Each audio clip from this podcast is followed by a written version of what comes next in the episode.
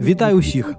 Музыка мяне цікавіць найперш як інструмент. Таму партал Тузін гітоў, які я спадзяюся ведае кожны карыстальнік байнету двухтысячных 2010х быў не столькі пра музыку, колькі пра ідэю, якая даносілася з дапамогай музыкі. Ідэя такая: мы маем сваю мову і сведчаннем таго, што яна жыве, ёсць у тым ліку тое, што на ёй з'яўляюцца новыя песні па-беларуску. І яны з'яўляліся практычна штодзень на працягу 17 гадоў. Праект перазагрузка быў пакліканы гэтую ідэю падтрымаць з міжнароднага пункту гледжання і стварыць прывабны імідж беларускай мовы і культуры. На гэтую ідэю пагадзіліся папрацаваць мумітроль Андрэй Макарэвіч Алёна Свірыдава з рассіі, здобшы з дуб з Малдовы, воплевіда плясава з Украіны, Александр Рыбак з Нарвегіі ды іншыя выканаўцы, якія запісалі песні па-беларуску. А ўкраінец Сергій Жадан, французы Карпат і амерыканец Карл Фрейерсон запісалі песні на вершы беларускіх паэтаў на сваёй мове. У сваім тэлепраекце Белсад Music Life я даносіў крыху іншую ідэю. Беларусь багатая на таленты, якія размаўляюць і спяваюць на розных мовах, граюць у розных стылях, маюць адрозны погляд на тое, што адбываецца, а ўсе разам ствараюць арыгінальны музычны ландшафт нашай краіны. Але ў любых маіх праектах у полі зроку тая музыка, якая фармуе свядомасць, якая ўплывае на разумення, хто ты, дзе ты, з кім ты і якія каштоўнасці маеш. Гэта той дыямант, які я разглядаю ўжо трэцяе дзесяцігоддзя і працягваю адкрываць у ім новы новыя грані.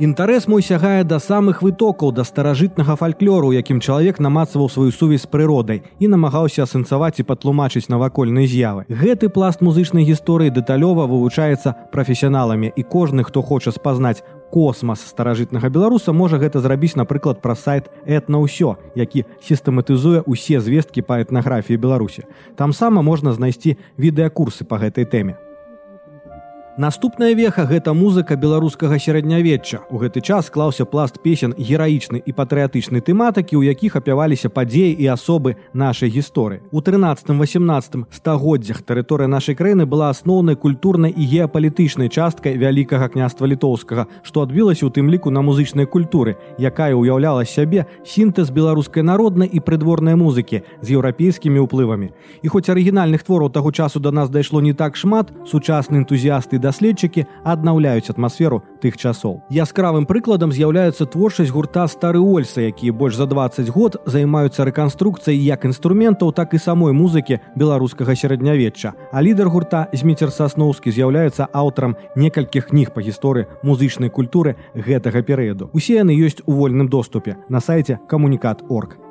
каласальную працу па вяртанню беларускіх старадаўніх спеўных шэдэўраў зрабіў спявак і даследчык Віктор скарабагатаў чаго варты толькі яго цыкл з 10 канцэртных праграмаў анталогія беларускай вакальнай музыкі 16 20 стагоддзяў і дзясяткі выдадзеных нотных зборнікаў з творамі таго часу. Вялікую працу па даследаванні музычнай культуры беларусі перыяда 17 19 стагоддзяў зрабіла ольга дадзіёмова. Той хто хоча зразумець гэты перыяд гісторыі параю найперш яе кнігу гісторыя музычнай культуры беларусі да 20 стагоддзя, якая таксама ёсць у вольным доступе.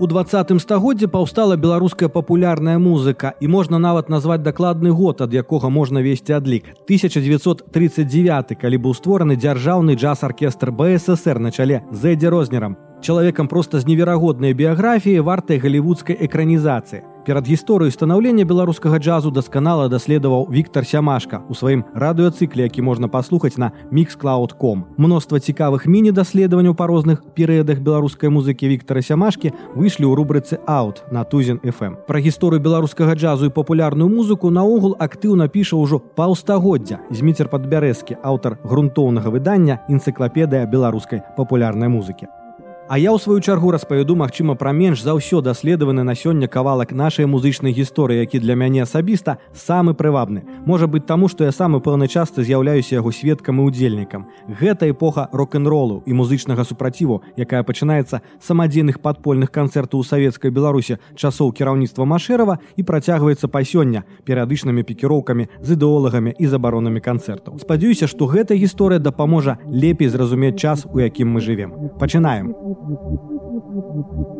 1960 у беларусі з'яўляецца рок-н-рол першы рок-фэст у ссср праходзіць у мінску салдаты у радыётэхнічным забараняюць першую беларуску рок-вумен здымаюць і забараняюць да паказу фільм пра бітфест архітэктары злучаюць фольк з рокам нефармалы даюць канцэрты на дрэвах мулявін прыязджае ў мінск і стварае свой першы гурт. Пра ўсё па парадку Афіцыйную дату нараджэння рок-н-ролу ў Беларусі можна назваць з дакладнасцю. Гэта 12 красавіка 1968 года, калі ў актавай зале радыётэхнічнага інстытута ў мінску цяпер гэта беларускі дзяржаўны універсітэт інфарматыкі і радыёэлектронікі. Цалкам афіцыйна распачаўся трохдзённы першы біт-фестываль.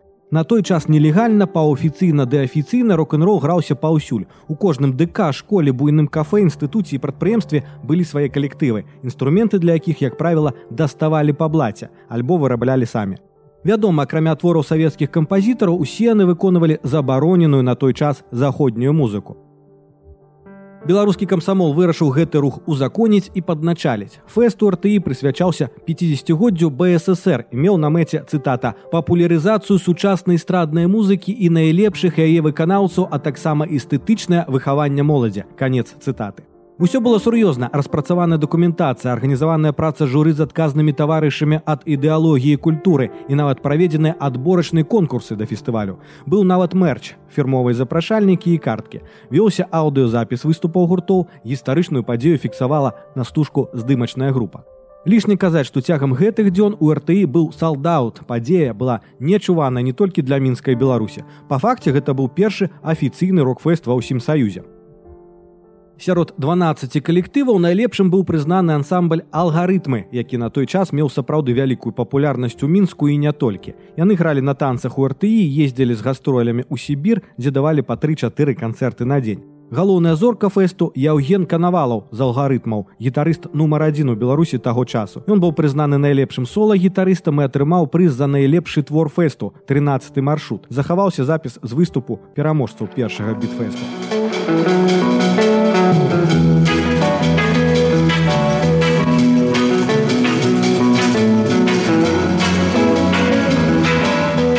Музычная адліга так толкам і не пачалася. Ідэолагі пад уражаннем ад падзеяў праскай вясны вырашылі згарнуць легалізацыю рок-н-рола. Шмат якія гурты былі расфармаваныя прэса, якая была пачала прыязна пісаць пра гэтую з'яву, змяніла танальнасць, а фільм пра першы бітфест 13 маршрут быў забаронены да паказу, а пасля знішчаны разам з сыходнымі матэрыяламі. Копія стужкі цудам захавалася ўжо ў 2010х была адрэстаўраваная і выкладзеная на YouTube.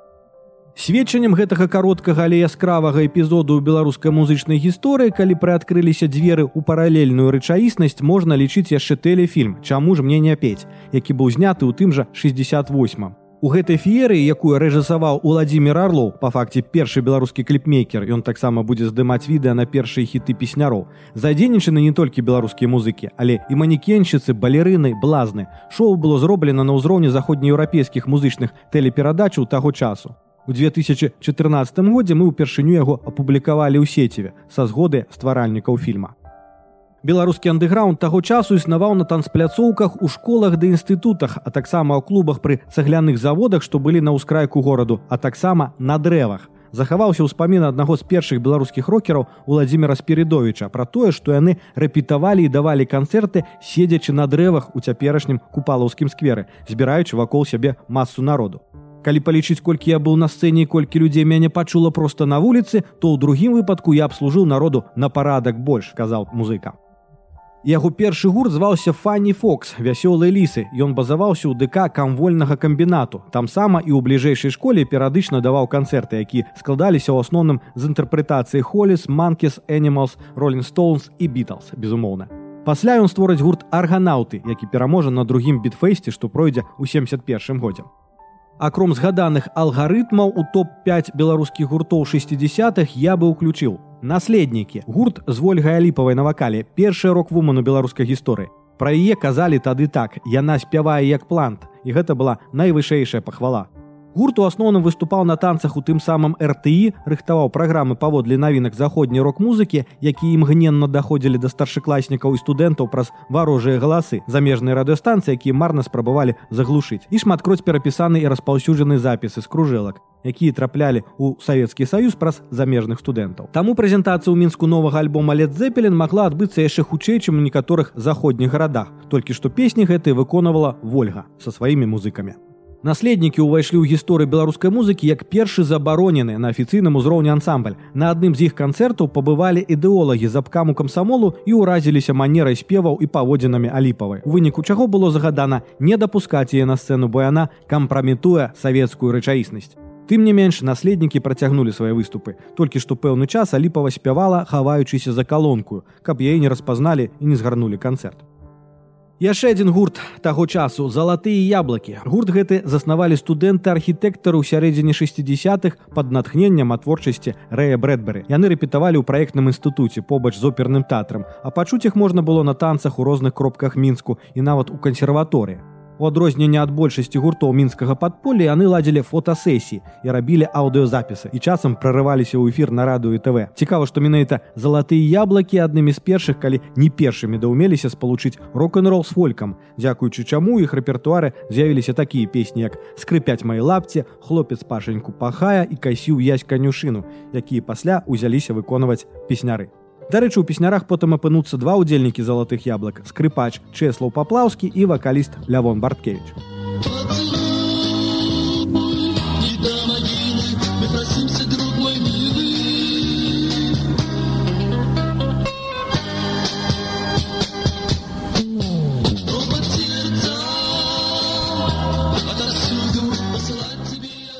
Трэці гурт, пра які хачу згадаць гарадняне. Адзін з першых рок-гуртоў Беларусі дакладна першы ансамбль угродна, які быў заснаваны ў 1964 годзе. Першапачаткова набор інструментаў быў такі: старая акустычная гітара, акардыён, бас-балалайка і піянерскі барабан. Але зусім хутка музыкі навучыліся рабіць самі электрагітары і дасталі сабралі даволі грувасткую апаратуру пра сябраў кіношнікаў. Дынамікі былі памерам з піяніна. Менавіта гарадняне былі ўладальнікамі адзінай у Беларусі сапраўднай бас-гітары музіма, якую атрымалася перавесці праз мяжу з дапамогай знаёмага з акадэміі навук Савецкага саюзу.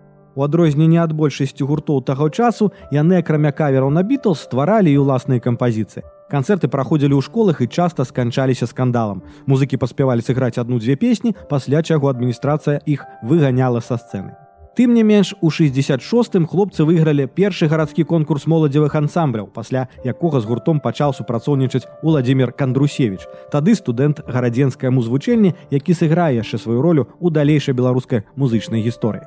Лявоны гэты гурт складаўся з музыкаў інструментальнага ансамблю пры філармоніі, якія акампанавалі артыстам розных жанраў на бесперапынных гастролях і ўрэшце вырашылі заявіць пра сябе як пра паўнавартасную творчую адзінку. Кіраваў працэсам харызматычны гітарысты вакаліст са свярдлоўску Владзімир Мулявін, які выпадкова апынуўся ў мінску ў 63. Існуе некалькі версіяў, як гэта адбылося, распавяду маю самую улюбёную. Падчас працы мулявіна ў томскай філармоніі ён трапіў у непрыемную сітуацыю. У гарадской прыбіральні мясцовыя гопнікі вырашылі адціснуць у яго гадзіннік, але бойку прыпыніў гімнаст Александр Ван Лі, які быў па справах у томску, а працаваў артыстам арыгінальнага жанру ў беларускай філармоніі. У выніку знаёмства той і ўгаварыў паехаць мулявіна працаваць у мінск. У 69 годзе безыменны ансамбль атрымаў сваю назву лявоны. На канцэртах яны выконваліся род іншага пераробкі заходніх хітоў, якія выдавалі за свае, каб іх не забаранілі. А таксама рок-н-рольныя апрацоўкі фальклору, што пасля стане фішкай песняроў. Дарэчы, першы афіцыйна выдадзены запіс у гісторыі беларускага рок-н-ролу належыць акурат ансамблю мулявіна, які ў Маскве падпісалі як лявоніха. Гэта была песня ты мне вясною прыснілася, якая выйшла на гнуткім дыску на фірме мелодыя у верасні 1969 года. мне вясною прыснілася не разгаданымі чарамі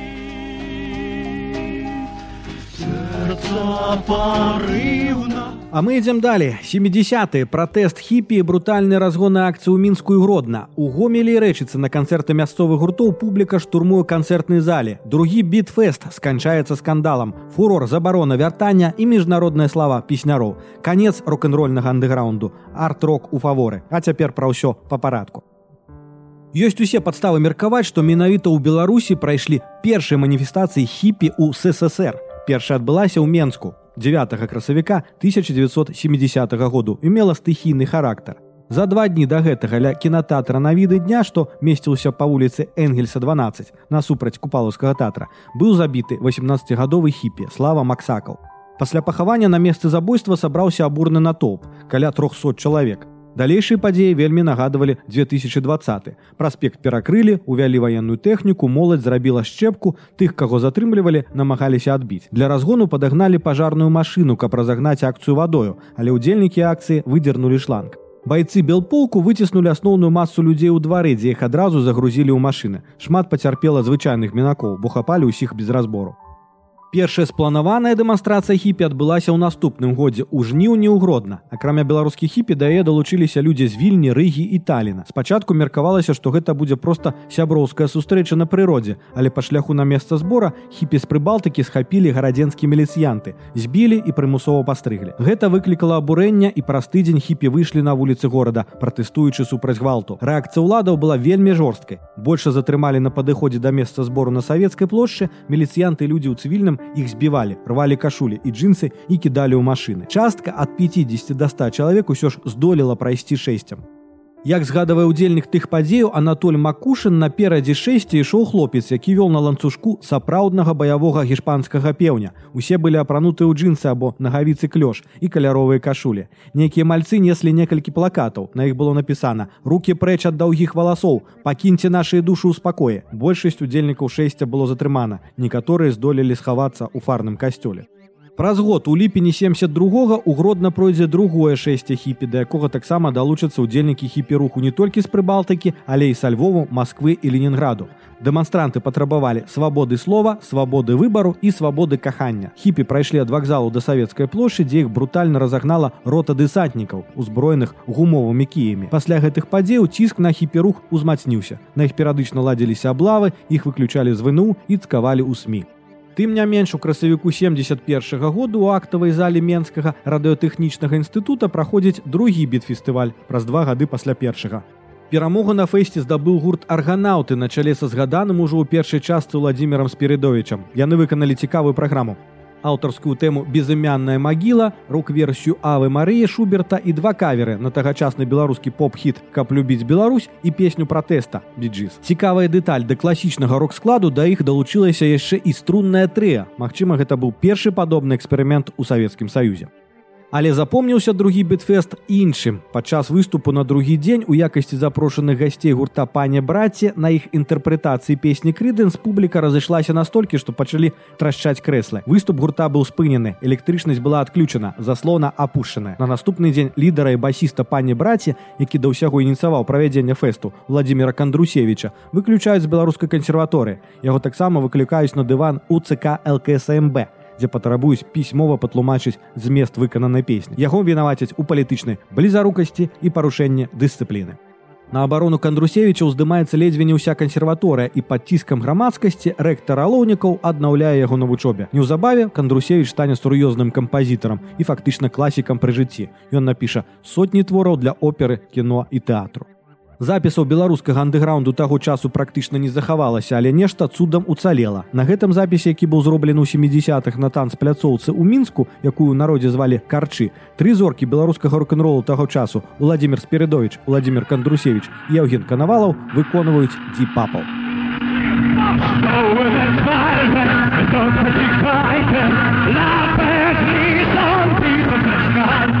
У 70-м узыходзіць зорка песняроў. Ансамбль атрымлівае прызнанне на усе саюзным конкурсе артыстаў эстрады ў Маскве і перад ім адчыняюцца ўсе дзверы, у тым ліку на фірму мелодыя для запісу дыска гіганта, які стане першым беларускім рок-альбомам. Яго запішуць за два дні ў дзве змены па 8 гадзінаў ён выйдзе накладам у 4 мільёны асобнікаў. Галоўная фішка альбома беларускамоўныя пераважна народныя песні гучаць у рок-н-рольнай апрацоўцы. Касіў яськанюшыну, скрыпяць мае лапці, рушнікі і балада Александрына, якая кране ўвесь саюз. Якраз адтуль. У альбома афіцыйнай назвы няма, але каб адрозніць ад астатніх таксама, як правіла безыменных, прынята яго называць па першаму трэку. Ты мне вясною прыснілася поспех і папулярнасць песняроў падмацаваў таксама музычны фільм уладзіміра Арлова, які выйшаў следам за альбомам. Паводле задумы рэжысёра песняры паўстаюць тут героямі беларускай батлейкі, якія ажываюць у галаве героя Льва Дурава. Кар'ера песняроў на гэтым магла скончыцца. Пры канцы 71 -го года на апошнім канцэрце ў туры па савецкім саюзе ў волжску музыкі адмовіліся ад тэлездымак выступу мясцовым ТВ, бо не дужа якасная апаратура была выстаўлена. Тым не менш тэлевізійшыкі пачалі здымкі. Тады удзельнік ансамбля Владзіслав Місевич падчас канцэрту узял ды апусціў стойку з мікрафонам для запісу гука. На наступны дзень песняроў абвінавацелі ўзрыве выступу і зорнай хваробе. Кіраўніцтва філармоніі адправіла ансамбль на некалькі месяцаў у адпачынак за свой кошт. Усе блі бліжэйшыя канцэрты дамоўленасці з прэса раду і TV былі скасаваныя уратаваў сітуацыю фільм міравы хлопец які выйшаў на экраны. Саундтрекам да яго была песня берёзавы сок якая скарыла ўсіх гледачоў. Песнярам даравалі і размарозілі. Песняры працягнулі дзейнасці можна з пэўнасцю сказаць што 70 гэта іх дзесяцігоддзя. Яны былі першым гуртом з ссср які выступіў у каннах і які меў гастролі ў ЗША Пра мулявіна з кампаніі напісалі ў білборд, ды паказалі па амерыканскім ціві. Песняры таксама зрабілі сумесны запіс з кантры каманды Нюхрысці Мінстрел, у якім амерыканцы пяялі па-свойму беларускія песні.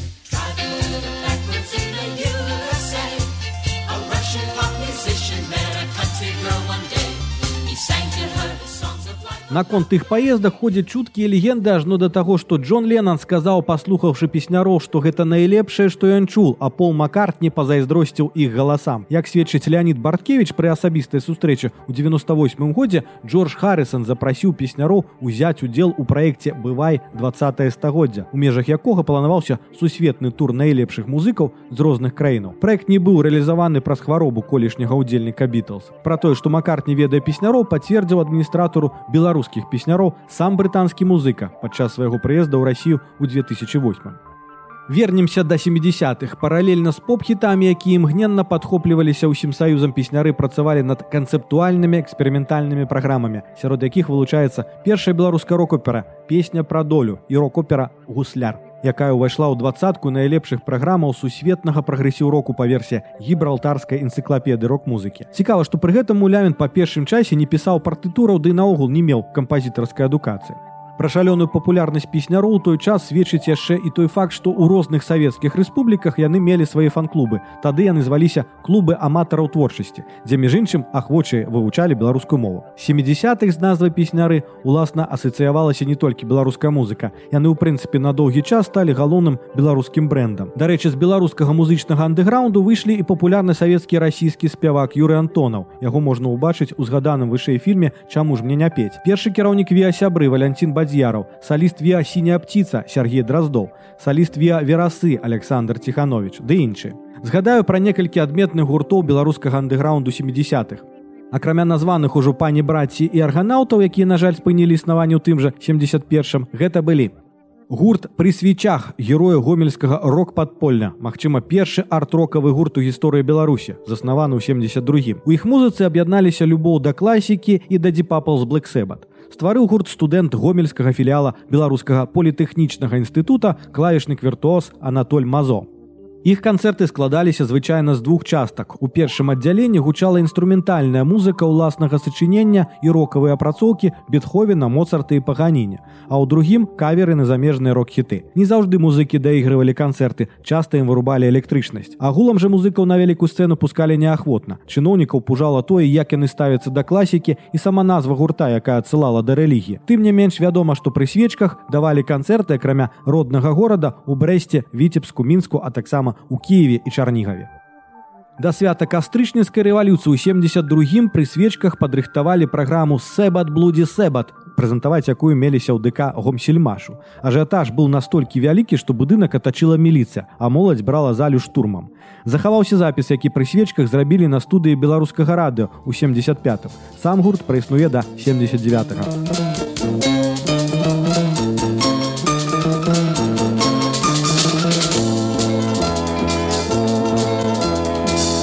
Вікторыя яшчэ адзін гурт на канцэрты якога публіка выломавала дзверы яго заснавалі музыкі на чале з юрыем арэшкам на базе завода металічных вырабаў у рэчыцы. Чым было ў раёне 20 акром непаўнагадовага бубнача яны ў асноўным гралі на танцах у парку перамогі тое што самі слухали і тое што напісалі пад уражаннем ад таго што слухали у іх рэпертуары былі хіты брытанскага амерыканскага і вугорскага рок-н-рола. Жытэм сержа гінзбура інструментальныя фрагменты з рок-оперы джезус хрис суперстар і ўласныя творы. Вартая увагі кампазіцыя трактару якой музыкі выкарыстоўвалі загадзя запісаныя шумы. Роў рухавіка шоргат паперы пералівання вады ў шклянку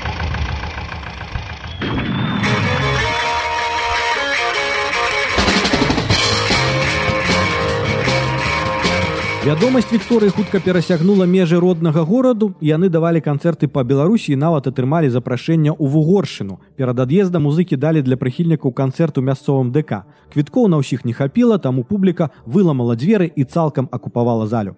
Вікторыя праіснавала да 76 -го году. Іх апошні канцэрт скончыўся драматычна. Аднавіл гэтую гісторыю даследчык Віктор Сямашка апошняя песня Вікторыі з апошняга іх канцэрту каверна Юрахіп была недаіграная да канца з-за ўмяшання міліцыі. Калі моладзь у знак пашаны стала перасцэнай на калені да музыкаў выбег цэлы натоўп міліцыянтаў, якія выдралі ўсе правады і прымусілі Вікторыю сысці, нягледзячы на абурэнне людзей. Мікрафоны тым не менш хутка ўключыліся і зафіксавалі, што адбывалася навокал. Пакуль міліцыя падганяла музыкаў, каб яны хутчэй збіраліся, моладзь крычала шчырая: Вікторія не ўхадзі, ды здзеклівая, да здравствует савецкая міліцыя яшчэ адзін важны гурт 70-х шпакі героя неафіцыйнай сцэны мінска таго часу. Гурт заснавалі студэнты фізфаку бДУ у 69 годзе. Музыкі добра ўладкаваліся пры палацы культуры мтз заводу патрэбны быў музычны калектыў які бы выступаў на афіцыйных мерапрыемствах а на неафіцыйных канцэртах шпакі маглі граць што заўгодна. Музыкі нават раскруцілі кіраўніцтва завода на набыццё чатырох тонн прафесійнай апаратуры чаму нават пазайздросці ў мулявін. І яшчэ адзін нечуваны для 70-х выпадак запіса мат аматарскага калектыву быў выдадзены на фірме мелодыя. Гаворка пра спеў дзед і зорка мая, які шпакі запісалі пры спрыянні аўтара твора ігара лучанка глыбокай ноччу на студыі белрадыё. Яна ўвайшла ў зборнік з песнямі беларускага кампазітара. Некалькі разоў музыкі з'явіліся таксама на тэлебачанні. На сваіх жа канцэртах яны знаёмілі слухачоў з набыткамі заходняй рок-музыкі, імправізавалі і дзяліліся уласнымі эксперыментамі. Гурт спыніў сваё існаванне ў 1980 годзе ў сувязі з тым, што яго лідар Міхал Гальштейн эміграваў у ЗША. Да нядаўняга часу лічылася, што з іх даробку захавалася толькі адна песня, тая самая зорка лучанка. Аднак у 2014 годзе дачка басіста гурта Эдуарда Ваданосава, паэтка і спявачка Кацярына Ваданосава знайшла і адрэстаўравала старыя запісы шпакоў. ты зорка моя прамяністая Мінск так зваўся яркі гурт зорным складам магутнай духавой секцыі і кароткай гісторыі. Яго стварыў валянцін бадзяраў пасля свайго сыходу з песняроў у 72. Спяваў там малады валеры Дайнека, а на бас-гітары граў Александр Ціханович, вядомы ўжо слухачам па ўдзеле ў гурце факіры назваліся па аналогіі з гуртом Чикага ігралі падобную музыку джаз-рок свае інтэрпрэтацыі блудсвіт энцірс і нават сёе тое з хендрыкса Увесну 73 музыкі выправіліся на гастролі. пасля аднаго з канцэртаў нехта з гледачоў напісаў мясцовую газету, што музыка мінска занадта гучная і чужая для савецкага чалавека.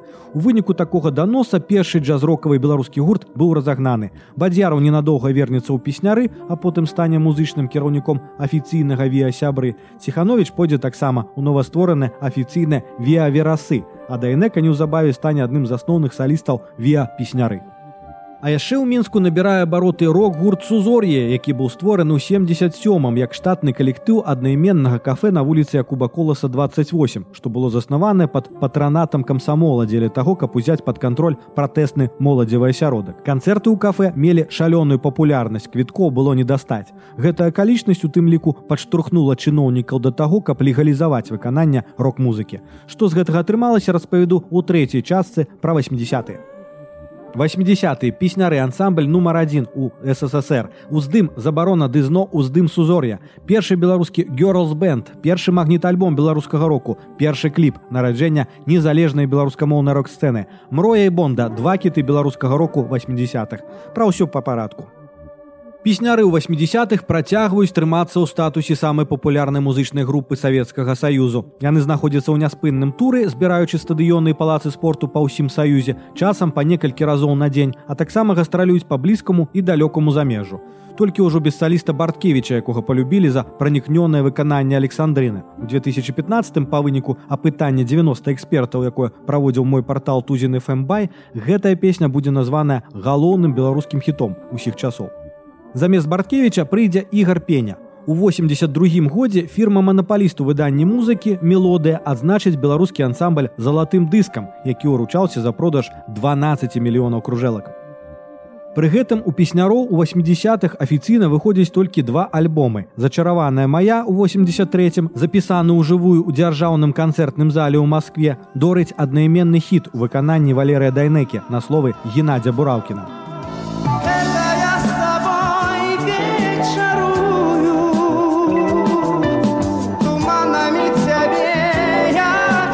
А другі альбом гігант канцэптуальная праграма через всю вайну, прысвечаны сорокагоддзю перамогі ў другой сусветнай вайне, дзе не абышлося без арт-року. Да гэтага кірунку песняры звяртаюцца перыядычна. Паслухайце, напрыклад, адзін з галоўных шэдэўраў ансамбля крик птицы у канцэртнай версіі канца 80-х з уступам у стылі неакласічнага мэталу гітарыста віртуоза Александра Растопчына.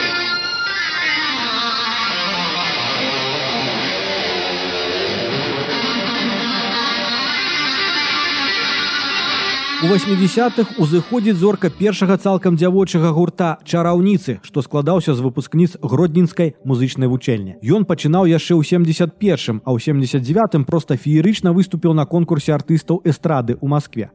Калі падчас іх выступу адключыліся абедзве гітарныя калонкі, дзяўчаты даігралі сваю песню пад акампанемент клавішаў і бубнаў. На мелодыі выйшлі два іх альбомы. Цалкам беларускамоўны дыск гігант у 79 і міньён у 82 годзе з мегахітом пах чабаровы, што прынёс ім усе саюзную славу.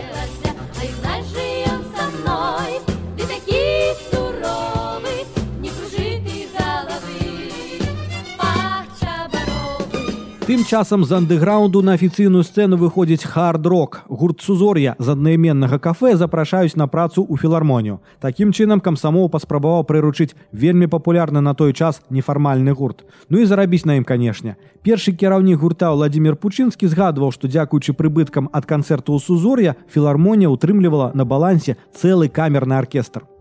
Сузор'е пэўны час быў адзіным легальным рок-гуртом у савецкім саюзе. На афішах 81-82 гадоў толькі іх падпісывалі як рок-групу. Яны былі першымі беларускімі рок-музыкамі, якія звярнуліся да старажытнай музыкі. Гралі фрагменты з полацкага шытку ў рок-апрацоўцы і да паэзіі эпохі адраджэння напісалі рок-оперу песня пра зубра паводле паэмы міколы гусоўскага. А яшчэ сузор'я ўвайшлі ў гісторыю як аўтары першага беларускага магніта альбома. У 84 яны за тры дні запісалі ў сутарэннях тэатральна-мастацкага інстытуту альбом рок-тэрапія, які быў выдадзены неафіцыйным чынам на касеце і разышоўся па ўсяму саюзу прыкладным тыражом у 10 тысячаў асобнікаў. У гэты час гурт ужо будзе расфармаваны пасля скандалу ў гомеле, калі музыкі выйшлі на сцэну на падпітку і адзін з іх упаў у аркестровую яму. Але саміх удзельнікаў калектыва пакінулі працаваць у штаце акампаніятарамі альбоме для салістак філармоніі. У 86-м сузор'я вернецца пад сваёй назвай на сцэну. Праз два гады выдасць на мелодыі альбом сентябрьская река і верне сабе на некалькі год папулярнасць. Вось як гучала сузор'я ў 88 гэта жывы запіс канцэрта ў мінскім ДК сукно.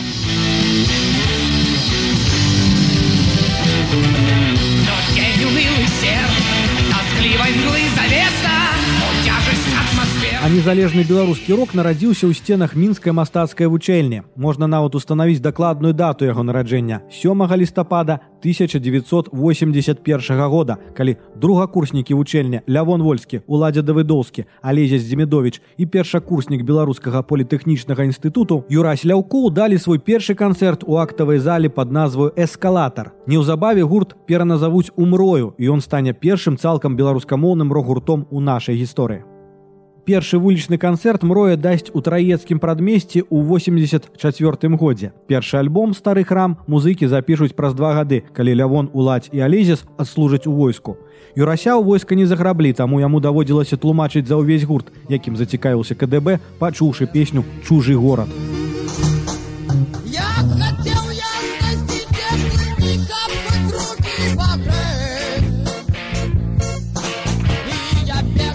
першы прафесійна запісаны і выдадзены на вінілі беларускамоўны рок-альбом належыць якраз мроі ён завецца 28 зорка і выйдзе на мелодыі ў 89 годзе ды зацвердзіць за гуртом статус найлепшага беларускамоўнага рок-гурта таго часу Дзеля яго запісу з Масквы ў мінск прыехала перасоўная студыя разам з гукарэжысёрам Александром Стільманам, тым самым, які ў 70-м запісаў першы альбом у гісторыі беларускага року ў выкананні песняру. Альбом мроі падарыў два моцныя хіты: ярок музыкант і зямля, якую лявон дагэтуль спявае на сваіх канцэртах.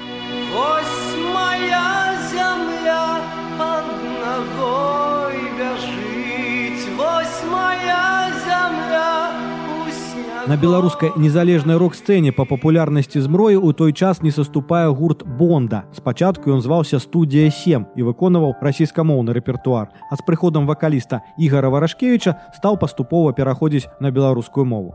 Назву Бонда прапанаваў паэт Анатоль Сыс, а лога з пацучком намаляваў мастак Міхал Аніпадыстаў.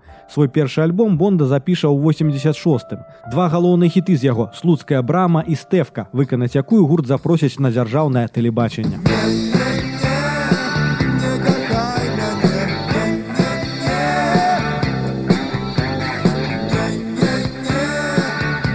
Бонда таксама ўводзіў гісторыю з відэа рэжысёра Геннадзя Шувагіна на песню Ура, які лічыцца першым беларускім музычным кліпам. Пры канцы 80-х Бонда распадзецца. Яе ўдзельнікі заснуюць дзве важныя ў гісторыі беларускага року каманды Уліс і Рокіс, які потым пераўтварыцца ў гурт крама.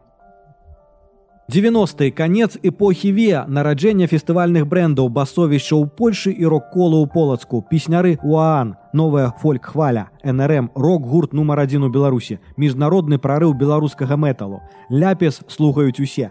Першы сідзе альбом складанка трыб'ют і супольны праект беларускіх музыкаў. Пра ўсё па парадку.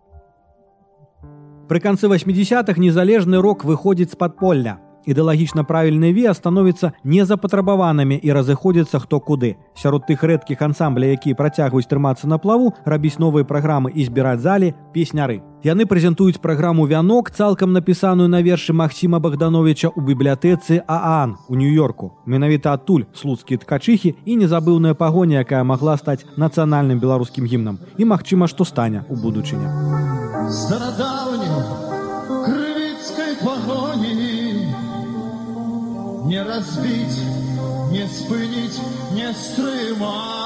У 97 годзе беларускія рок-музыкі аддадуць даніну павагі творчасці песняроў. Выйдзе першы беларускі трыбют, песня рок. Яго прэзентацыя адбудзецца ў мінскім парку імя купалы, тым самым, дзе калісьці рэпетавалі на дрэва хіпе. А самі песняры выступілі на гэтым канцэрце ў якасці хэдлайнераў. Гэта быў першы канцэрт у маім жыцці, на якім я пабываў. У наступным годзе мулявін уручыць рок-карону гурту нейрадзюбель і разам з кашапаравым першым выканаўцам волахды паспрабуе праспяваць разам з кулінковічам і наумаваў яе панк-версію. Гэта было феерычна. Дарэчы, менавіта песняроў можна лічыць аўтарамі першага беларускага альбому, які быў выдадзены на сидзі. Гэта запісаны ў Амстэрдаме ў лютым 94 і выдадзены ў гэтым жа годзе кампаніяй Філіпс дыск под назваю песняры 25 на тое каб быць першымі беларускімі музыкамі якія выдаліся на сидзі прэтэндуе таксама гурт інспектор які заснаваў гітарыст Віктор смольскі які ў будучыні стане сусветнай зоркай у складзе нямецкага гурта рэйч музыкі выдалі прыблізна ў гэты ж час у нямметчыне дыск які назвалі рашан праер Што да незалежнай беларускай рок-сцэны, то тут ажно да 99 -го года большасць альбомаў выдаваліся на касетах. Дыскі яшчэ былі раскошы як для музыкаў, так і для слухачоў. Першая беларуская сидзі-складанка альтэрнатыўнай музыкі звалася вольныя танцы і выйшла пры канцы 90-х. Наклад быў надрукаваны на заводзе ў Ізраілі. А я пералічу шэсць самых папулярных беларускіх касет 90-х паводле ўласных назіранняў. Падлік прададзеных копій тады ніхто не вёў, піратства квітнела. Такім чынам НРМ Одзеры дзедзіна, альбом 96 -го года, другі студыйны альбом музыкаў змроі, якія вырашылі цалкам перафарматавацца. Змянілі стыль, вобраз, адмовіліся ад ранейшага рэпертуару, дадалі да назвы незалежная рэспубліка і пераўтварылі яе о абрэвіатуру. Альбом цалкам трапіў у нерв часу, асабліва песня партызанска і зрабіў НРМ рок-гуртом нумар адзін у беларусе наступныя альбомы пашпарт грамадзяніна нрм суперхітом паветраны шар толькі замацуе гэты статус. Светлы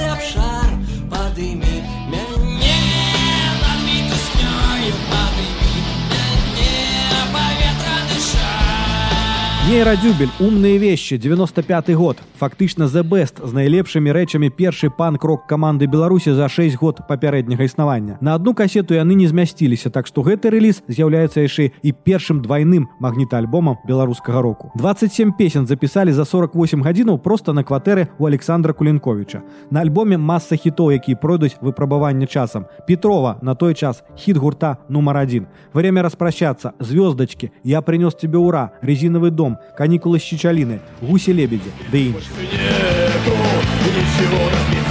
нету, ничего на свете больше нету, ничего на свете больше нету, ничего. Ляпіс трубецкой ранетае сердце першы студыйны альбом каманды Сергея михалка які прынёс калектыву шалёную папулярнасць. Да гэтага па руках хадзіў толькі лайф альбом любові капец практычна ўсе песні з яго сталі хітамі. Хутчэй за ўсё гэта была самая прадавальная беларуская касета 90-х за пару месяцаў пасля выхаду толькі афіцыйна было прададзена 25 тысячаў копій. Пасля ўжо не лічылі. Лепшай песні з гэтай праграмы музыкі потым перазапішуць і выдадуць ужо на сидзі ты кінула ў Маскве мільённым тыражом і стануць напэўны час групай нумар адзін на ўсёй постсавецкай прасторы дарэчы мы апублікавалі на тузін фм першы тэледэбют ляпісаў які здарыўся імаверна у 92 годзе на бт з песні ты кінула адметна што сам міхалог гэты выступ па тэлевізару убачыў у вар'ятне дзе апынуўся пасля перадазіроўкі наркотыкамі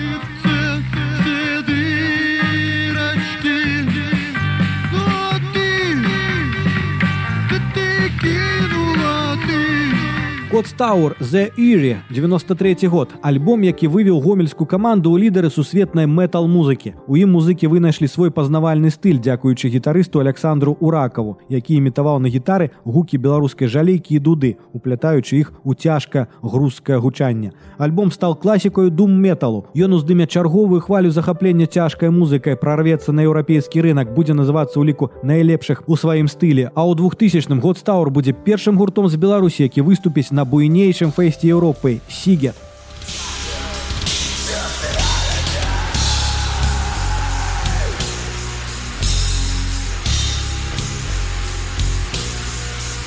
Народны альбом 97 год. Песні які паўжартам пісаліся на ўжо закрытай уладамі фм станцыі радио 101 і 2 аб'ядналіся ў адзін з самых важных альбомаў у гісторыі беларускай музыкі. У ім узялі ўдзел больш за 20 знакавых асобаў беларускага андэграунду таго часу якія стварылі непаўторную атмасферу уяўнага памежнага беларускага мястэчка у міжваенны час. Народны будзе названы найлепшым альбома года ў беларускай музыцы. Яго аўтар міхал анімпадыстаў паэтам года. Сам рэліз стане першым супольным праектам у гісторыі беларускай музыкі.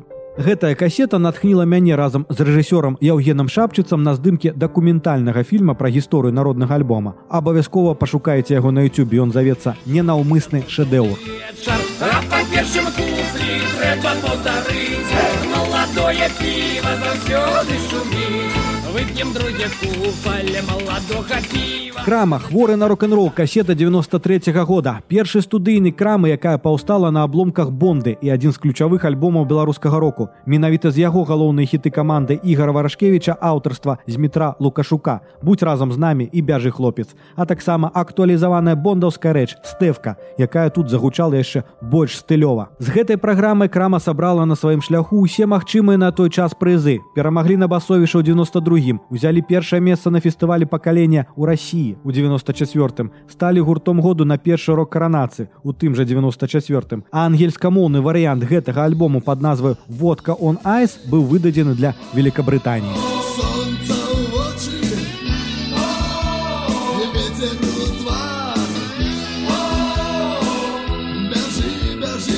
асобнай размовы варты гурт уліс са сваімі першымі трыма альбомамі які немагчыма разглядаць паасобку гаворка пра чужаніцу выдадзена ў 91 годзе на вінілі на фірме мелодыя ў Маскве. Краіна доўгай белай хмары быў запісаны другім але выдадзены першым на вінілі польскай фірмай польская награня ў 90 і танцы на даху выдадзены на касеце ў мінску фірмай каўчэх у 93 так як уліс не граў бадай што ніхто на постсавецкай прасторы. Дзякуючы музыцы якую пісаў пераважна слава корань былы гітары з і паэзіі фелікса аксёнцава гурт здолеў стварыць сапраўдны цуд спасцігаць і адкрываць усё новыя глыбіні якога сапраўднае задавальненне. Пэўна вы ўжо здагадаліся што для мяне ўліс самы улюбёны гурт беларускага року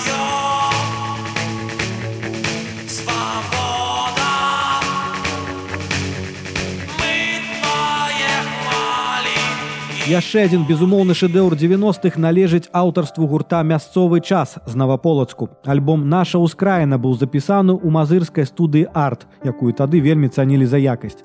Альбом уражвае ўсім моцным вакалам і лірыкую алеся кузьміна, доўгімі гітарнымі сола валерыя драко з прывітаннямі ICDC, выдатнымі аранжыроўкамі і агульнаю атмасферою свабоды. Альбом быў запісаны ў 91, але на жаль вялікай славы музыкам не прынёс. Праз фінансавыя цяжкасці гурт у наступным годзе распадзецца. У другой палове 90-х яны паспрабуюць вярнуцца на сцэну, але нічога з гэтай задумы не атрымаецца. Вакаліст Алесь Кузьмін з'едзе настала жыць у нямецчыну.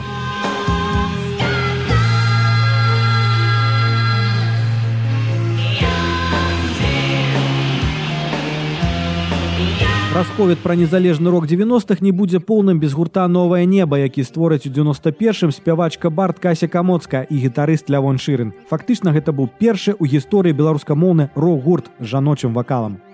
Найбольш адметны іх альбом мая краіна, які выйдзе на пікі пратэстаў у 96 годзе і падорыць узорную патрыятычную лірычную песню аўтарства міхала непадыстава.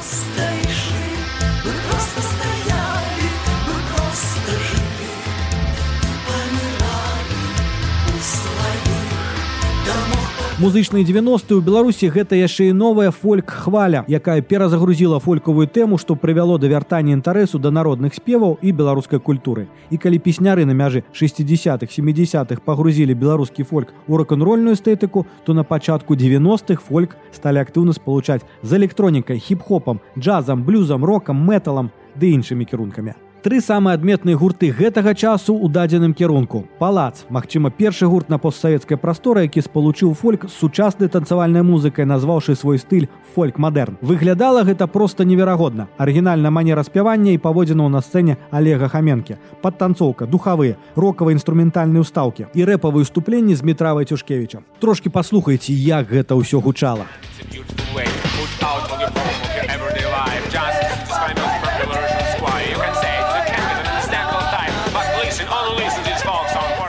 Крыві эксперыментальны фолькавы гурт які паўстаў у якасці праекту студыі палац але неўзабаве стаў цалкам самастойным праектам. У дэбютным альбоме хейлолі 97 -го года які яны запішуць у берерліне музыкі эксперыментуюць з электронікай а ў наступных працах студыйніку за туманам і лайф альбоме людзям будуць як акапельныя спевы так і рокавыя ацэнсаванні фальклору салістку вераніку круглову прызнаюць рок князёўную а крыві назавуць найлепшым гуртом краіны на рок каранацыі 99 прыблізна ў гэты час крыві стане ўжо адкрытым міжнародным праектам які будзе існаваць на два гарады мінск і берлін. У ім паўдзельнічаюць дзясяткі музыкаў з нямметчыны польшы ізраілю ірану бангладешу ды іншых краінаў.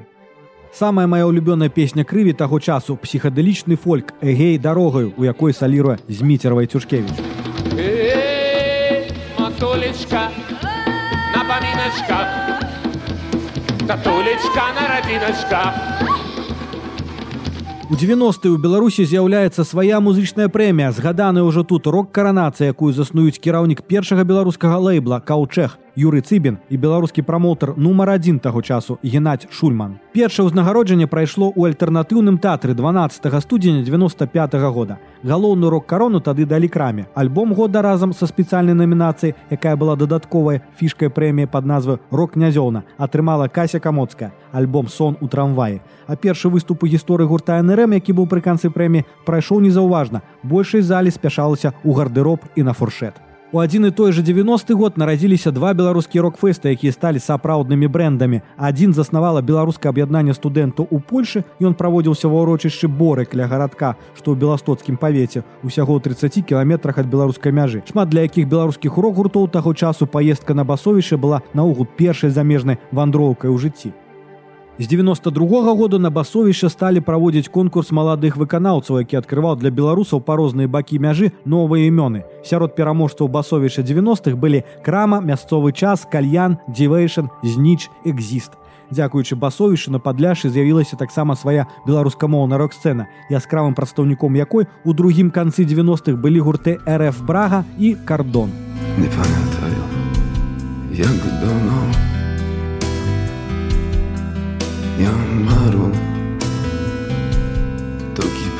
Другі фэст пад назву рок-кола паўстаў у наваполацку. Пры канцы 80-х тут быў сапраўдны ўздым рок-музыкі. На 100 тысячны горад тут налічвалася каля трох десяткаў рок-гуртоў, у выніку чаго у згодзе з камсамольскай арганізацыі быў арганізаваны наваполацкі рок-клуб, які ўзначаліў Сергея Нішчанка. Ён жа і заснаваў рок-кола. Сергей ці як яго завуць Аніса, сапраўдная легенда полацкага року. Сергей ці як яго ўсе завуць Аніса, сапраўдная легенда полацкага року. Акрамя арганізацыі канцэрту ў фэстаў ён вёў якасці адміністратара справы гурта мясцовы час, сам спяваў у ключавых полацкіх і наваполацкіх гуртах таго часу.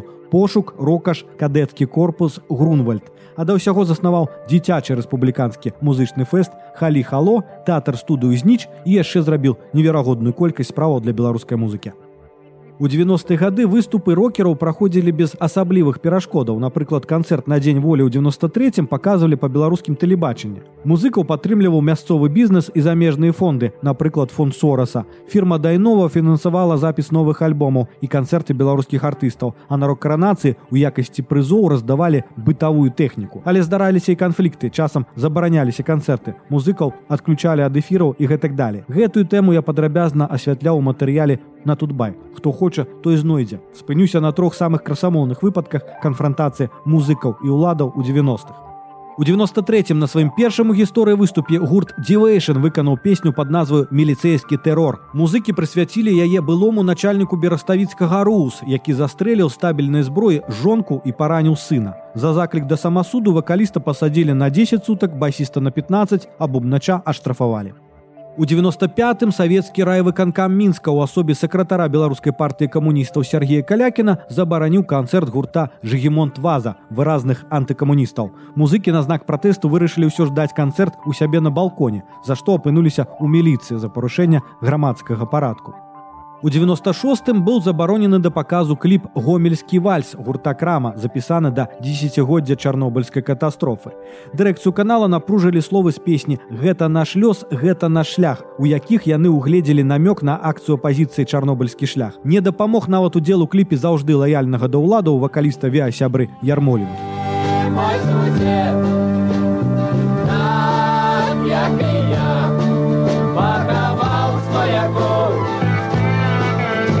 Чыноўнікі яшчэ больш моцна закруціць гайкі ў двухтысячных. Пра гэта распавяду далей двухтысячные смерць мулявіна песняры працягваюць множыцца. Тры чарапахі галоўны хід десятгоддзя і ўсяго беларускага року. Стартуе сольная кар'ера вайцюшкевіча беларускі рок под забаронай візіт рокераў у адміністрацыю прэзідэнта. Магілёўскі рок на ўздыме перазагрузкай заняпад рок каранацыі канец гісторыі рок-кола і музыкальнай газеты тузін гітоў галоўны музычны партал краіны. Далей пра ўсё па парадку 14 мая 2002 году па вяртанню ў мінск са сваёй дачы на трасе заслаўя калодзічы владимир мулявін трапляе ў аўтакатастрофу у выніку чаго у яго быў пашкоджаны спінны мозг Яго намагаліся ўратаваць, зрабілі аперацыю, але праз 8 месяцаў 26 студзеня 2003 года ў шпіталі ў Маскве заснавальнік песняроў памірае. У гэты час ужо існуе некалькі складаў, якія выконваюць рэпертуар ансамбля мулявіна. Разлад пачаўся яшчэ ў 98, калі частка музыкаў сышла з дзяржаўнага калектыва і заснавала свой ансамбль беларускія песняры. Агулам жа толькі па прыблізных падліках у двухтысячных як мінімум 6 калектываў выкарыстоўвалі так ці інакш бренд песняры. Акром афіцыйнага беларускага дзяржаўнага ансамбля пасля смерці муляві на яго склад быў амаль цалкам абноўлены за кошт маладых музыкаў і беларускіх песняроў, дзе быў сузаснавальнік песняроў Місевіч і вакалісты залатога складу пені і дайнека. Ёсць яшчэ песняры Барткевіча, песняры Свечкіна. Гэта былы дырэктар мулявінскіх песняроў і лявоны. Прычым лявонаў таксама два калектывы. У адзін уваходзіць музыкі музыкі што працавалі некалі пры студыі песняроў а другі заснаваў першы бумнач мулявінскіх песняроў александр дзямешка. Былі нават чувашскія песняры Даходзіла да камічнага кіраўнік дзяржаўных песняроў Вячаслав Шарапаў неяк распавядаў мне, што прыязджае іх ансамбль у нейкі расійскі горад і выяўляецца, што тут ужо былі нейкія песняры пад фанаграму гралі. Сітуацыя вырашыцца ў 2011 годзе, калі бренд песняры будзе афіцыйна зацверджаны на міжнародным узроўні менавіта за беларускім дзяржаўным ансамблем. Свой юрыдычны статус таксама маюць і беларускія песняры. Паміж сабою гэтыя два калектыва нібы нават прыйшлі да згоды. Першая палова двухтысячных у беларускай музыцы прайшла под знакам нрм музыкі пацвердзілі свой статус гурта нумар один мацнейшымі альбомамі тры чарапахі двухтысячнага і дом культуры 2002 Яны збіраюць поўныя залі і пляцоўкі па ўсёй Беларусі. Гурт кананізуюць пры жыцці другім беларускім трыбютам віза НРМ у 2003, для якога песні вольскага спяваюць нават вакалістка красак і аматары рускага шансону цяні талкай. Песня тры чарапахі становіцца народным хітом. Яе ведаюць нават польскія памежнікі, якія яе напяваюць, правяраючы пашпарты беларусаў, што едуць на басовішча. Магчыма, што менавіта тры чарапахі першая беларускамоўная песня, якая была загружаная на сервіс YouTube у 2006 годзе. Гэта жывы запіс канцэрту на тэатральнай плошчы ў варшаве. Трэба ў розных краях пабываць. Зразумееш, што ты под тваімі нагамі тры сланы нерухома стаяць. Шосты студыйны альбом НРМ, які вырашана было назваць 06 выйшаў у 2007 і падарыў яшчэ адну надзвычай важную песню айчыннага року, якая дае ключ да разумення беларускага грамадскага і культурнага кантэксту. Яна завецца Менск і мінск. мінску прапіска і гарвы канкан і лятовы палац і бетонны паркан Вольскі НРМ акрамя ўласных альбомаў паралельна працуюць таксама над супольнымі праектамі разам з іншымі вядучымі музыкамі краіны. На пачатку двухтысячных адзін за адным выходзяць два праекты. У адзін святы вечар увайшлі калядныя спевы. У другі я нарадзіўся тут патрыятычныя гімны. Я нарадзіўся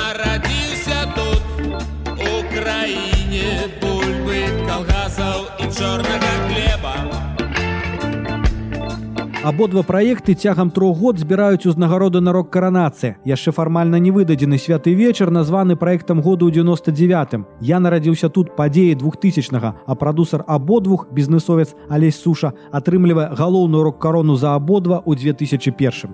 Галоўнае адкрыццё гэтых двух праектаў Александр Памідораў вядома перадусім як радыо дзеджэй. Ён ужо запісаў для народнага альбому габрэйскую песню, а падчас працы над святым вечарам проста на спрэчку з веранікай кругловай записывае песню цуд на каляды. Фактычна першы рэп па-беларуску і бадай што найлепшую калядную песню 21 стагоддзя. Смораны стомлены але веры ў барта ў тое, што будзе яму цуд на каляды. Цікава, што першапачаткова твор задумываўся як ганг старэп. Гэта была гісторыя пра злодзея, які збягае з турмы на каляды, але прадусар суша вельмі папрасіў зрабіць больш лагоднай. У 2003 на інтэрнэт-партале тузін гітоў будзе прэзентавана відэа на гэтую песню, зроблена ў моднай тады стылістыцы флеш-анімацыі. У я нарадзіўся тут таксама незапланавана, як і ў двух папярэдніх выпадках трапіла песня памідорова крывавае свята. Быць можа, самы душараздзіральны спеў беларускага року, напісаны пад уражаннем ад трагеды на нямізе 30 траўня 99 -го года. Абедзве песні памідораў запісаў з гуртом НРМ, але ў гэты момант у яго ўжо выспела ідэя ўласнага гурта памідор оф, з якім он створыць адзін з самых моцных альбомаў беларускага року двухтысячных свята пакрадзена. што сам не быў там я, але вось я на сумна сумная гісторыя А быў гэта травень 99 запрашаю ўсіх на крывавае свята Па моцы гучання з гэтым альбомам можа параўнацца дыск люстэрка гурта ўліс запісаны прыблізна ў той жа час славам кораням увесь складу ўлісу дарэчы акампанаваў пры гэтым і памідораву гэта будзе апошні альбом у дыскаграфіі выдатнага гурта. Hey, hey, hey, забыты герой, герой, герой. Дзе ты? Асобна трэба сказаць пра такую з'яву як магілёўская рок-сцэна якая развіваецца па сваіх законах і з мінскай практычна не сутыкаецца. Музычнае жыццё ў горадзе веруе праходзяць кватэрнікі канцэрты фэсты выходзяць касеты дыскі паэтычныя зборнікі. Такая актыўнасць звязаная найперш з дзейнасцю творчага аб'яднання цэнтр жывога рока які паўстаў у 2002 годзе на базе рэдакцыі сам выдатаўскага часопіса пад шумок узначальвае рух віталь шум які робіць сайт моракру і аб'ядноўвае под гэтым сцягам вядучыя гурты горада сярод іх вылучаюцца сердце дурака авангард школа калачикам рядам і канешне ж самы папулярны гурт магілёва двухтысячных глюкі полымі гарэць чым так просто паміраць. Зараз дзейніча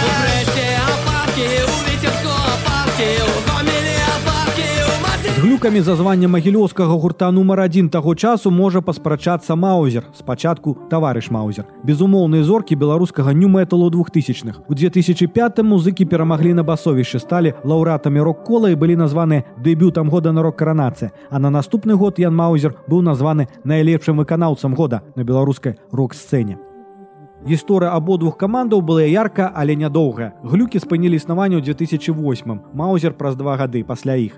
Удзельнікі глюкаў Рома жыгараў і стас мытнік створаць гурт акуты, а ўдзельнікі Маузера разыйдуцца хто куды. Ян Маузер паедзе ў Кіў, дзе створыць праект мама. Рома Уфо са шчека далучыцца да рэп-праекту ЛСП і стане ромам англічанінам. А Леонид Ленні Цярэшчанка і Васіль Вейс Буланаў у складзе гурта Айова неўзабаве скараць расійскі шоўбі. Люблю бой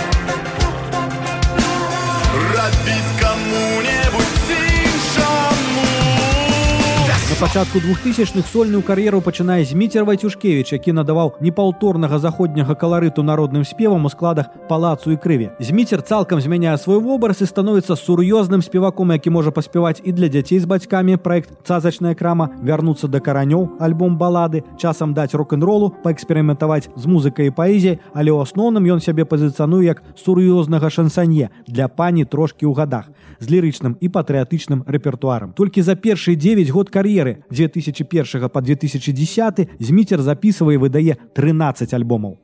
Самая кранальная песня ранняга Вайцюшкевіча я ішоў да цябе на словы Алеся камоцкага. Я ішоў да цябе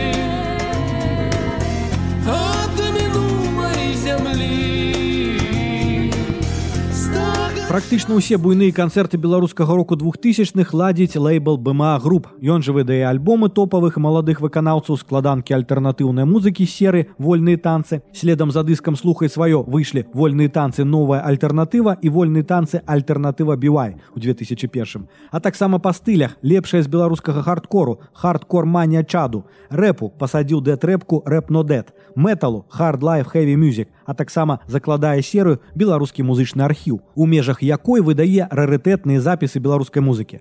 Унёсак лейбла і яго кіраўніка Віталя Супрановича ў беларускую культуру настолькі адчувальны, што наша ніва ў 2003 называе яго чалавекам года ў Беларусі. Ініцыятыву па выданню альбома ў другой палове двухтысячных перахопяць іншыя лейблы West Records, Go Records, новая музычная кампанія і Вігма, першы беларускі лейбл, які з пераменным поспехам працуе з 93 -го году і дагэтуль. Але БМА груп сваю нішу ў выданні беларускамоўнай музыкі будзе займаць да 2014. -го. Канцэртную дзейнасць шэрагу самых вядомых беларускіх рок-гуртоў у сярэдзіне двухтысячных моцна абмяжоўваюць чыноўнікі. Першая хваля забаронаў бярэ адлік ад 21 ліпеня 2004. -го.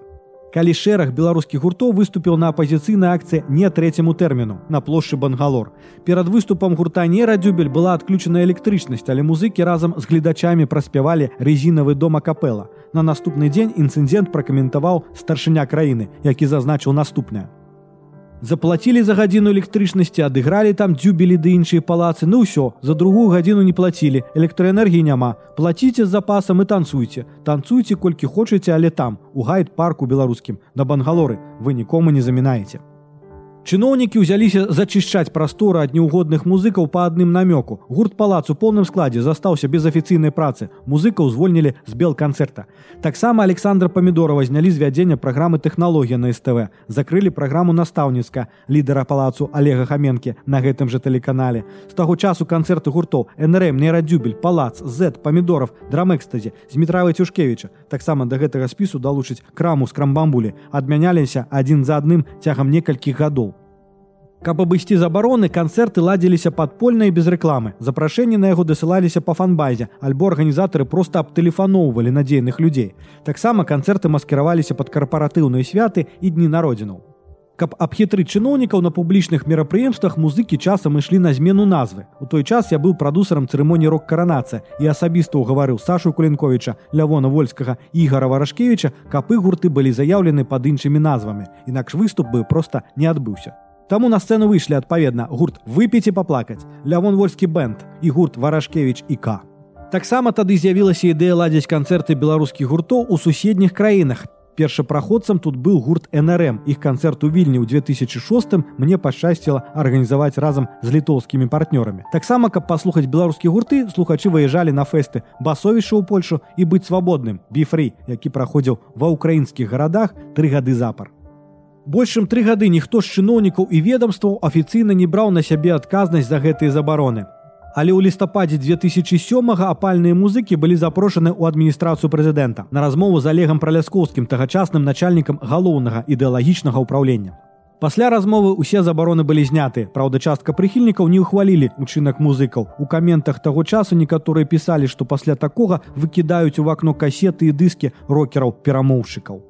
У 2009 годзе міністэрства культуры беларусі разам з менгарвыканкамам і мен абл выканкамам выступілі арганізатарамі рок-фестываля беламюзік на аэрадроме баравая я разам з олегам хаменкам складалі тады праграму фестываля на якім выступілі з дзясятак беларускіх гуртоў. Але далейшы супрацы з уладамі не выйшла. У наступным годзе былі прэзідэнцкія выбары і другая хваля забаронаў У траўні 2003 на рок каранацыі галоўную ўзнагароду ўручылі крамбамбулі новаму праекту лявона вольскага. На гэтым гісторыя першай музычнай прэміі магла бы скончыцца. У арганізатараў бракавала рэсурсаў і сілаў на далейша яе правядзення. Аднак праз тры гады пасля размовы з заснавальнікам рок-каранацыі Юрыем Цыбінам мы з камандай тузіна гітоў вырашылі яе адрадзіць правёўшы тры цырымоніі я вырашыў сысці з ліку арганізатараў. Бо такі фармат правядзення і агульнага стаўлення да музыкаў сябе ўжо не апраўдваў. Рок каранацыя мусіла застацца ў мінулым. Тым не менш яна праводзілася да 2011 і пасля былі неаднаразовыя але марныя спробы яе рэанімаваць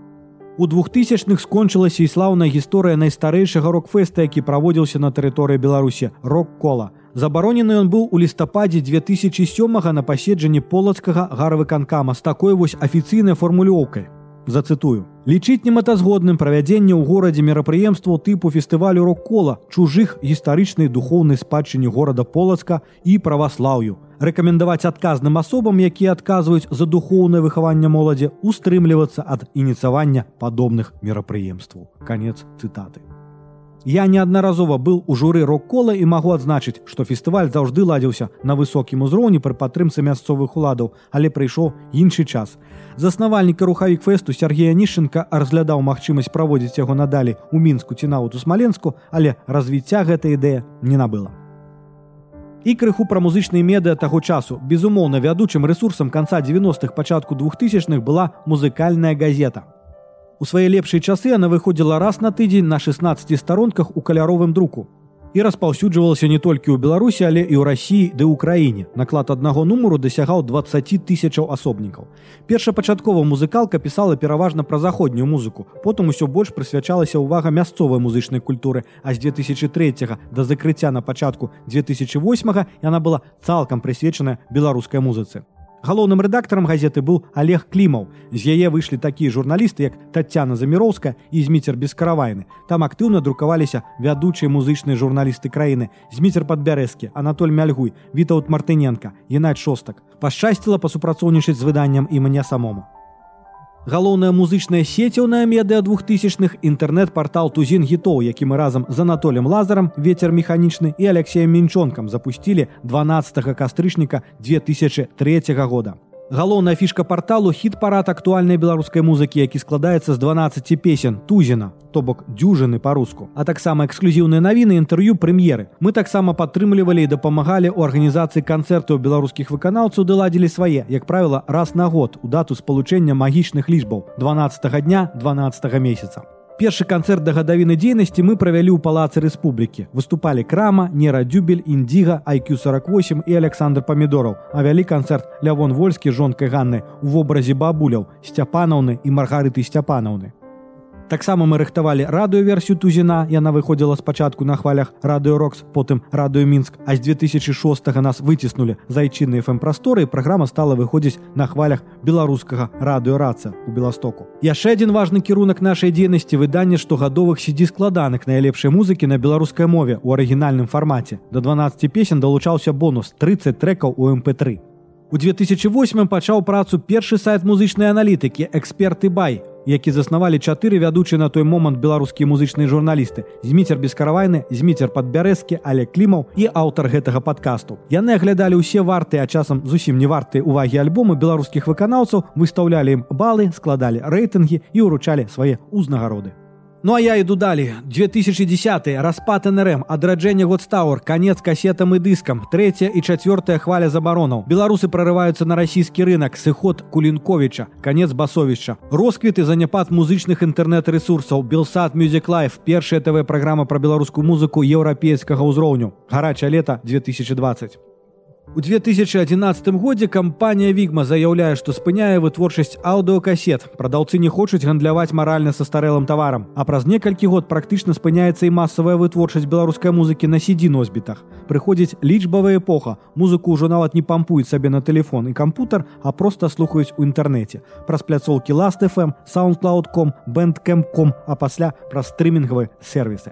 Касеты яшчэ вернуцца ў другой палове десятых. Гэта будзе фішку асабліва сярод постпанкавых камандаў выдаць свой альбом на касетах накладам у 50 асобнікаў А вось сидзі не аджывуць з распаўсюдам макбук іх нават няма дзе слухаць Беларускамоўны гурт нумар адзін нрм у 2011 годзе распадаецца уласна на лявона вольскага які ўшчыльную рэалізуе сольныя праекты ды іншых удзельнікаў якія працягваюць выступаць пад шыльду нрм Месца фронтмена займае гітарыст Піт Палаў, які выконвае як ранейшыя хіты гурта, так і свае ўласныя песні. У 2013 годзе гурт выдае новы альбом пад назваю ДПБЧ, які стаў першым беларускамоўным альбомам на вінілі ў 21 стагоддзе.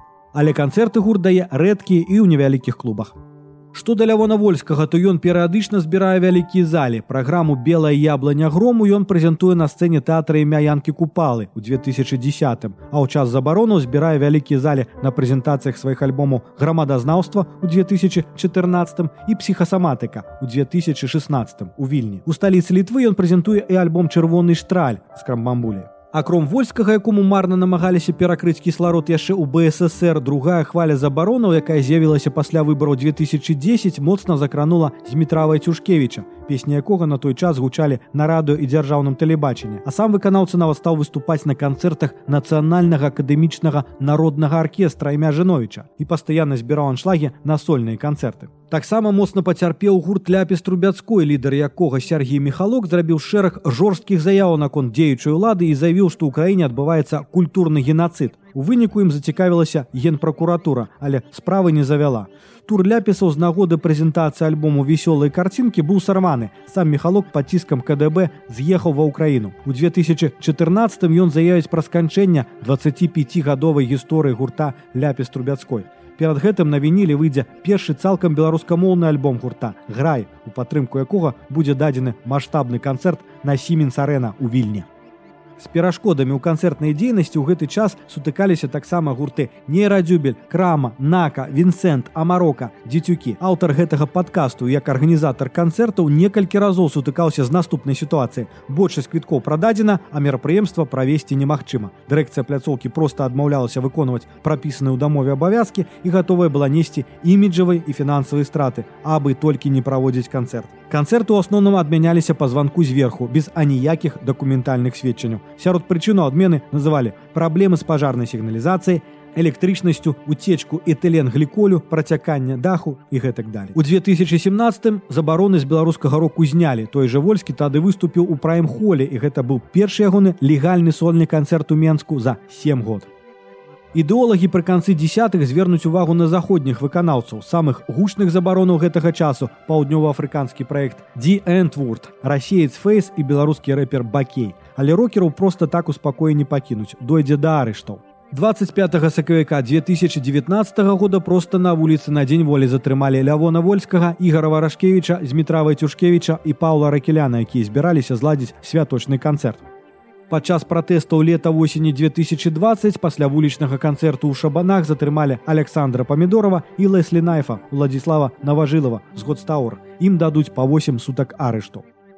Гурт Леслі легенда беларускага мэталу. У десятых гурт Леслі легенда беларускага мэталу адрадзілася праз 8 год пасля распаду. Яны пачалі актыўную канцэртную і студыйную дзейнасць. Геніяльнага гітарыста Александра Уракова замяніў яго вучань Дмітрый Лазаренко. Праз некаторы час яго заменіць Віталь Абрамович, даўні прыхільнік Годстаур і па сумяшальніцтве гітарыст нерадзюбеля.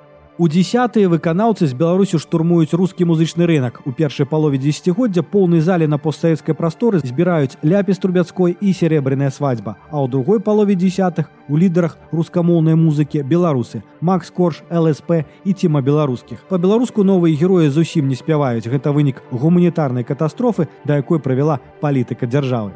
Яшчэ шэсць галоўных імёнаў беларускай музыкі 2010-х. Паліна, Паліна Рэспубліка, спявачка, якая ў 17 год перамагла на фэсце бардаўская восень і была названа адкрыццём года ў беларускай музыцы. Яна адразу ж стала збіраць поўныя залі ў мінску ды іншых гарадах. У яе ўлюбілася ўкраінская публіка, але дэбютны альбом яна запіша ўжо калеі будзе 21. Пасля яго спявачка расчаруецца ў барт-року, абнуліцца і стане рабіць зусім іншую музыку. Ды па-новаму здабудзе прыхільнасць слухачоў. Время отнюдь не лечит, ласково поцелуй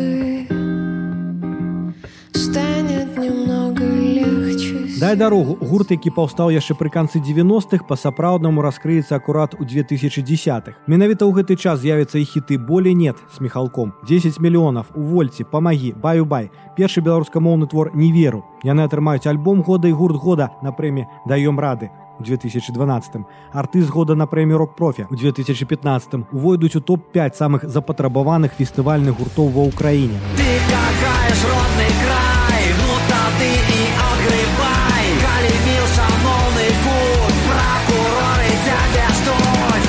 Рэлікт гэты гурт таксама пачынаў пры канцы 90-х, але да поспеху прыйшоў у сярэдзіне 2010-х. У 2015 ён выдаў ключавы для беларускага року ў прынцыпе альбом лекавыя травы, з якім сабраў усе магчымыя ўзнагароды на беларускай незалежнай сцэне.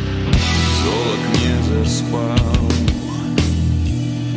Мяне ветер Морак не раз Петля прыстрасця гурт, які стаў культавым не толькі на радзіме, але быў прызнаны за мяжой. Іх альбом Фобас узначаліў рэйтынг найлепшых постсавецкіх альбомаў 2013 паводле версіі расійскай афішы. Альбомы всем даволен і моды і аблака ўвайшлі ў топ-10 галоўных беларускіх дыскаў десятгоддзя па версіі эксперты бай. Мода і аблака мой любімы іх альбом, але слухаць трэба ўсё. Кожны з іх шэдэўр.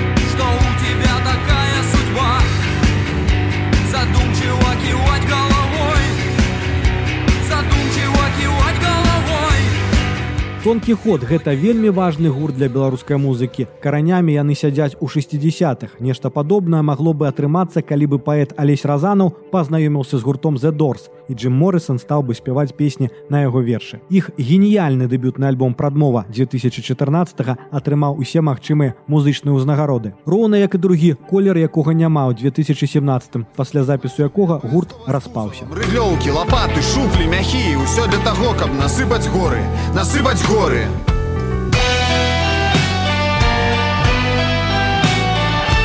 Нізкіс бадай што рок-гурт нумар адзін у беларусі канца 2010-х іх кліп небяспечна рэжысёра артёма лобача стаў першым беларускамоўным музычным відэа якое перакрочыла адзнаку ў 1 мільёнаў праглядаў на YouTube яны выконваюць моцныя стадыённыя хіты і збіраюць тысячы людзей на сваіх канцэртах. Пры тым што гурт пераважна расійскамоўны ключавыя песні ў іх на беларускай. Акрамя небяспечна гэта гуантанама люстэрка і цемра Где мы, кто ты?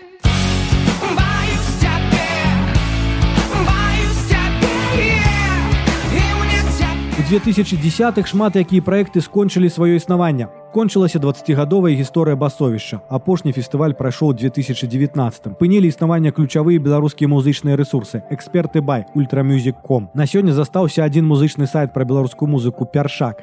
Партал Тузін FM з інфармацыйнага сайту пераўтварыўся ў лейбл. Пачаўся і праз тры гады скончыўся мой тэлепраект Белсад Music Life, у межах якога мы знялі 140 жывых сетаў, пераважна беларускіх музыкаў. Але калі нешта сканчаецца, гэта ўсяго толькі значыць, што пачынаецца нешта новае. Сустрэнемся ў новым дзесяцігоддзе.